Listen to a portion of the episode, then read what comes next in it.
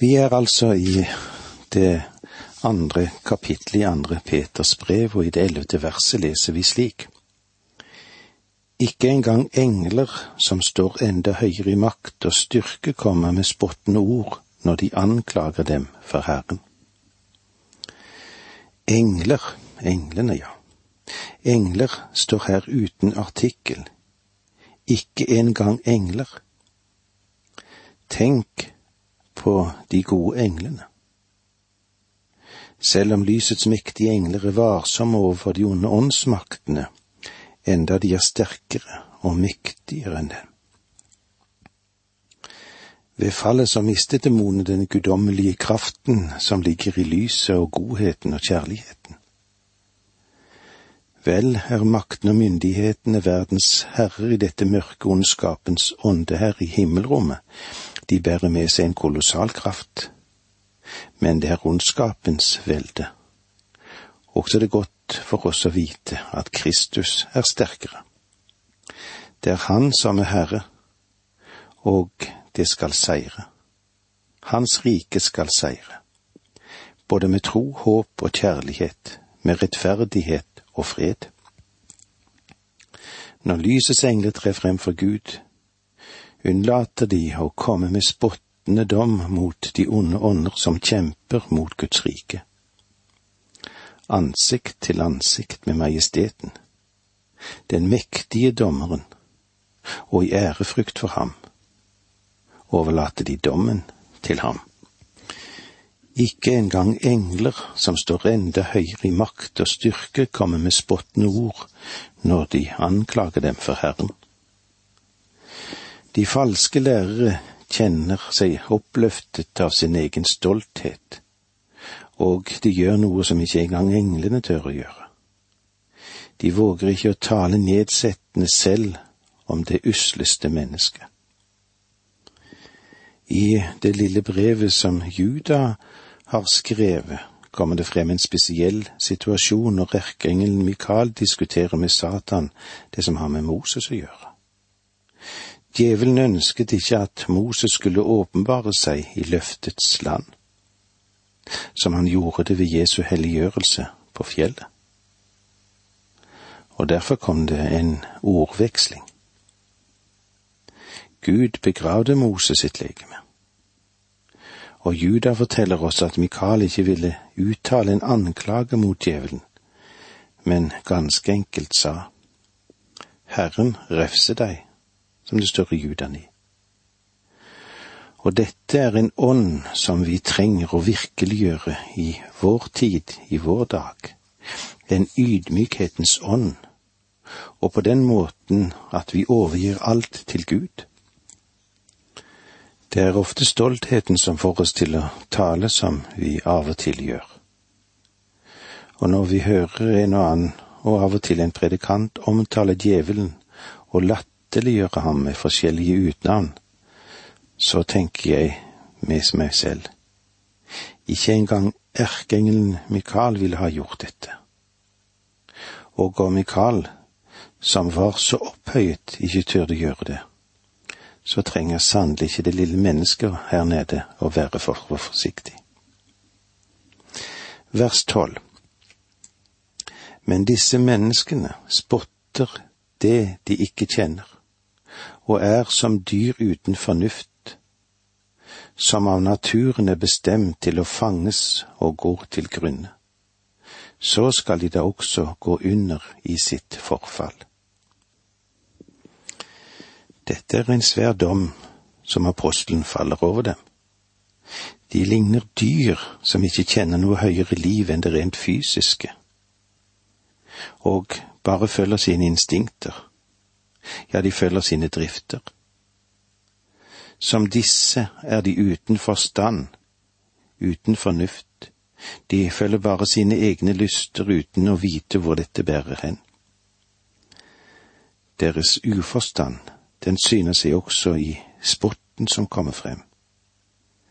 De har ikke kjennskap til de skapninger fra åndeverden som de håner, at de er vesener med en fryktelig makt. De har ikke vett til å la være å spotte. så skal de også få komme til å få den samme skjebne som dyrene. De som lever som dyr, skal dø som dyr. Disse har av naturen, etter sin naturlige beskaffenhet, ingen annen bestemmelse enn å bli fanget og forgå ved å bli slaktet. Slik blir også vranglærerne fanget i sin frihet, og den vil bli til et nytt fangenskap, og der vil de omkomme. De blir fanget og ødelagt. Ja, det er en malende skildring av virkningen på et menneske som lever som et dyr, det.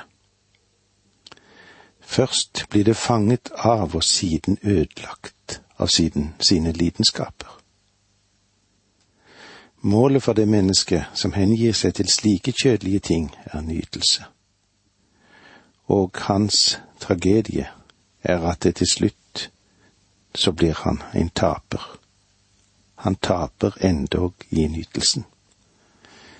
Men disse menneskene spotter det de ikke kjenner og er som dyr uten fornuft, som av naturen er bestemt til å fanges og gå til grunne. Så skal de da også gå under i sitt forfall. Men disse menneskene er som dyr uten fornuft. Disse frafalne er som ville dyr. Vi hører i dag om en del mennesker som mener at de stammer fra dyrene. Men både Det gamle og Det nye testamentet gjør det helt klart at mennesket det er i stand til å falle lavere enn dyrene. Dyrene har jo ikke falt ifra noe, og menneskene, de lever der sammen med dem. Og uh, du får ha meg litt unnskyldt om du lever som et dyr, da. Peter vil, vil senere i kapittelet gi oss en illustrasjon på dette. Disse menneskene spotter det de ikke kjenner. Det Peter sier her, er at falske lærere også kan, kan tillempes på andre måter, eller anvendes på andre måter. Tenk på hvor mange som har skapt latter på kristendommens bekostning gjennom årene. Hva kan ikke for eksempel litteraturhistorien fortelle om hva mennesker trodde de visste hva kristendom var for noe? De spottet den, egentlig uten å kjenne til hva dette var for noe. Et særmerke på den moderne tidsalder er den arrogante forstå seg på-holdningen når det gjelder den kristne tro. Så tragisk det er å se at mennesket ikke forstår evangeliet. Mange som har hørt dette år etter år, forstår ikke det dypeste i den kristne tro. Så skal de da også gå under i sitt forfall. Tidligere har Peter talt om at et Guds barn har unnflydd verdens korrupsjon. Men disse har ikke unnsluppet dette, denne forråtnelsen som finner sted. Noen av dem har berget seg unna verdens forurensning. Med andre ord er det mange fortapte syndere som sier, Jeg vil ikke gjøre de ting som dette forsufne mennesket gjør. Og det ville de heller ikke gjøre. De har unnsluppet forurensningen, men de har ikke unnsluppet forråtnelsen. På utsiden er de religiøse. De har holdt fast ved visse begreper, og har selv bestemt hva kristendommen skal være for dem, uten å spørre hva Gud mener. Deres hjerte er ikke rett med Gud. Det er dette Peter ser på som det korrupte hjertet, som mennesket egentlig ikke ville gjøre noe med vers 13. Å få lide ondt for det gode de har gjort. De nyter å svire ved høylys dag. Det er til skam og skjensel for dere når de spiser sammen med dere og sitter og fråtser, nytelsessyke som de er. I versene 13 og 14 ser vi beskrivelsen av de frafalne, den absolutte fordervelse i menneskehjertet. Når et menneske tenker galt, så vil det også handle galt. Det kan du ikke komme forbi. Og med disse ordene må vi nok si takk for nå, men vi kommer tilbake til det når vi møtes igjen neste gang. Må Gud være med deg. Dette undervisningsprogrammet består av to deler. Åge Nevland fortsetter nå med andre del av dagens undervisning. Vi er i Peters andre brev. Vi er i det andre kapitlet, og i vers 13 leser vi slik. Og få lide ondt for det onde de har gjort. De nyter å svire ved høylys dag. Det er til skam og skjensel for dere når de spiser sammen med dere og sitter og fråtser nytelsessyke som de er. Det er eh, en del mennesker som sier dette er mitt liv, og jeg kan leve det nøyaktig som jeg selv vil. Og det er vel velkjent at vi har mennesker høyt oppe i vårt samfunn som i dag definitivt lever umoralsk. De har affærer med andre kvinner som ikke er deres ektefeller. Det som interesserer dem mest av alt, er å pleie seg selv og sine egne lyster. Og det de sier, ja, det er dette, dette er jo min business. Dette er mitt private liv, dette er min egen sak. Deres private liv er ikke deres egen sak så lenge de representerer også andre, for å ikke si et helt land. Ønsker de å leve etter sin egen lyst, burde de holde seg borte fra verv, verv der de representerer et land som ønsker å ha kristne verdier som grunnholdning både i skole og i lovverk. Vi ønsker kvinner og menn i ansvarsfulle stillinger som er ansvarlige, redelige, og som har en moralsk holdning, noe som tåler dagens lys. Det er et meget sterkt behov for dette i vårt lands forvaltning. Hvis vi ser på dette verset en gang til og tar det med ifra Norsk Bibel. De får urettferdighetens lønn som de fortjener. De ødsler bort dagen i nytelse.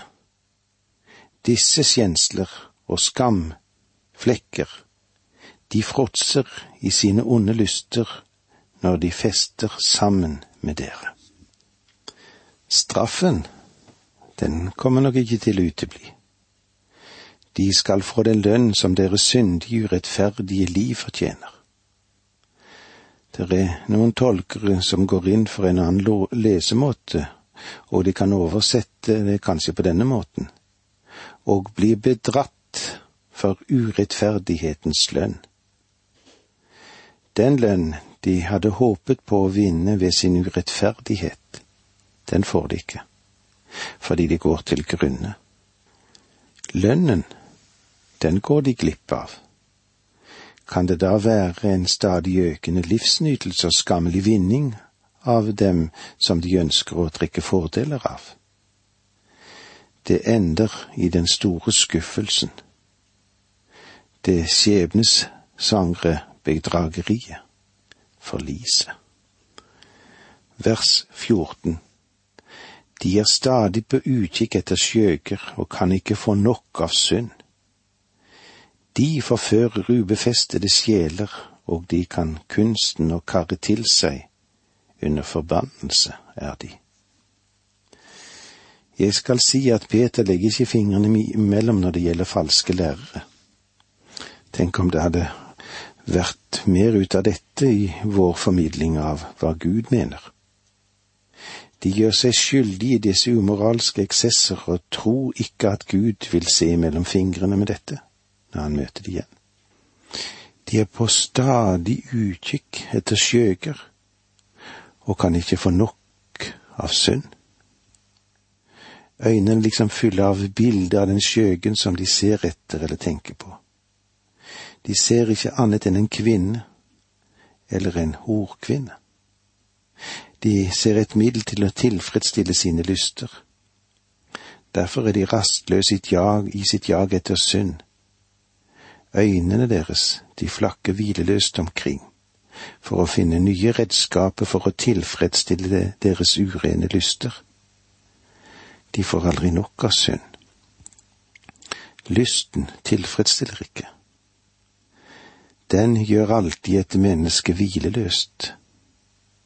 Så uavlatelig trår det etter mer, mer, mer. Ved sin måte å være på lokker de til seg sjeler som ikke er befestet, grunnfestet. Disse lover et liv i nytelse og i falsk frihet. Og da er det ikke grunnfestet og rotfestet i Guds ord.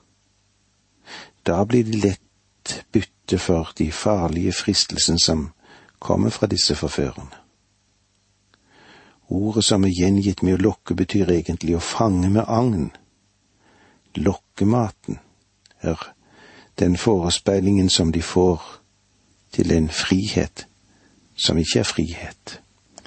Vi leser videre i vers 15. For de har forlatt veien som går rett fram, og er godt vill. De følger de samme spor som Biliam, Beos sønn, han som bare hadde syn for den lønn han kunne få for sin urett. De har bevisst begitt seg bort fra den veien som er rett fordi den er sannhetens vei rettferdighetens vei, og derfor fører de det til det sanne og rette målet, frelse for sjelene. Den rette veien er den som Gud viser menneskene i sitt ord, og som de finner på ham. De har forlatt Guds gode vei. De har forlatt Hans plan. De har forlatt Hans vilje med menneskelivet. Derfor går det galt, og det må gå galt for da er de kommet på ville veier. Både det som har med religion eller religiøsitet å gjøre, og moral å gjøre. Når de er kommet på villspor, så føres det ut i villnis og ut i villmarken og utenfor bratte stuper til undergang. Det går nedover. For de har forlatt veien som går rett fram, og er gått vill de følger de samme spor som Biliam hos sønn, han som bare hadde syn for den lønn han kunne få for sin urett. Biliam blir nevnt tre ganger i de avsluttende skriftene her i Det nye testamentet. I Jan Peters brev er det Biliams vei det dreier seg om. I Judabrevet er det Biliams villfarelse, og det er Biliams lære i åpenbaringsboken. Hver av disse tre ser Biliams situasjon fra forskjellige synsvinkler. Hva er da Biliams spor, eller Biliams vei? Peter, han sier han er sønn av Beos. Han som bare hadde syn for den lønn han kunne få for sin urett. Biliam visste at han ikke skulle profetere mot Israel, men han elsket det økonomiske og den styrken som ligger i dette, og den kompensasjonen han kunne få for det. Derfor er Biliams spor begjær for den som gjør kristent arbeid for den personlige profits skyld. Vers 16 Men han ble vist til rette for sin misgjerning. Et umeldende esel talte med et menneskes stemme og stanset profeten i hans galskap. Peter sier at det var galskap det Biliam ga seg inn på, og at et esel hadde bedre vett enn han. En tidligere stortingspresident sa i, et, i gamle dager at det var et mirakel når et esel talte men i våre dager er det et mirakel hvis de tier stille. Dette eselet talte til Biliam og anklaget ham for hans pengebegjær, og hans urett mot Israel for å tilfredsstille dette begjæret. Den religiøse sjarlatan kan vurderes ut ifra sin levestandard. Det er ikke det at en arbeider også i Guds rike er sin lønn verd, men det skal verken bety topplønn i samfunnssammenheng og heller ingen gylne fallskjermer. Det er lett å følge i Biliams spor, begjær, men du verden så farlig det er for Guds barn. Tenk å bli irettesatt av sitt eget klovdyr. Det måtte da vekke til ettertanke. Et stumt esel hadde sunnere profetisk syn enn en offisiell religiøs hvis den moralske sansen var blitt forvrengt ved urettferdig vinning, er det en som har sagt, og det er noe som vi skal legge merke til. Vi leser i det syttende verset. Disse menn er som kilder uten vann, og tåkedotter som virvler i vinden. Det dypeste mørket har de i vente. Det er ikke noe i veien med taleevnen for de menn som Peter omtaler her, men det er ingen kraft, og det finnes ikke noe liv i deres budskap. De kan være som vakre perlemorskyer, men de har lite vann for et tørstig folk, et tørstig hjertejord og eh, det er ofte fantastisk å lytte til slike retoriske begavelser. De kan imponere og skape begeistring, men i sitt forråd hadde de lite av ordets kraft å bringe til sin forsamling. Mennesket tørster dypest sett etter Guds ord, og eh, de blir ikke utørst av noe mindre enn av Guds ord. Vi leser vers 18 til slutt i dag for de taler store ord om tomme ting, og med sanselige lyster og gudskjeielse lokker de dem som nettopp har sluppet bort fra slike som lever i villfarelse. Og med det sier vi takk for nå, må Gud være med deg.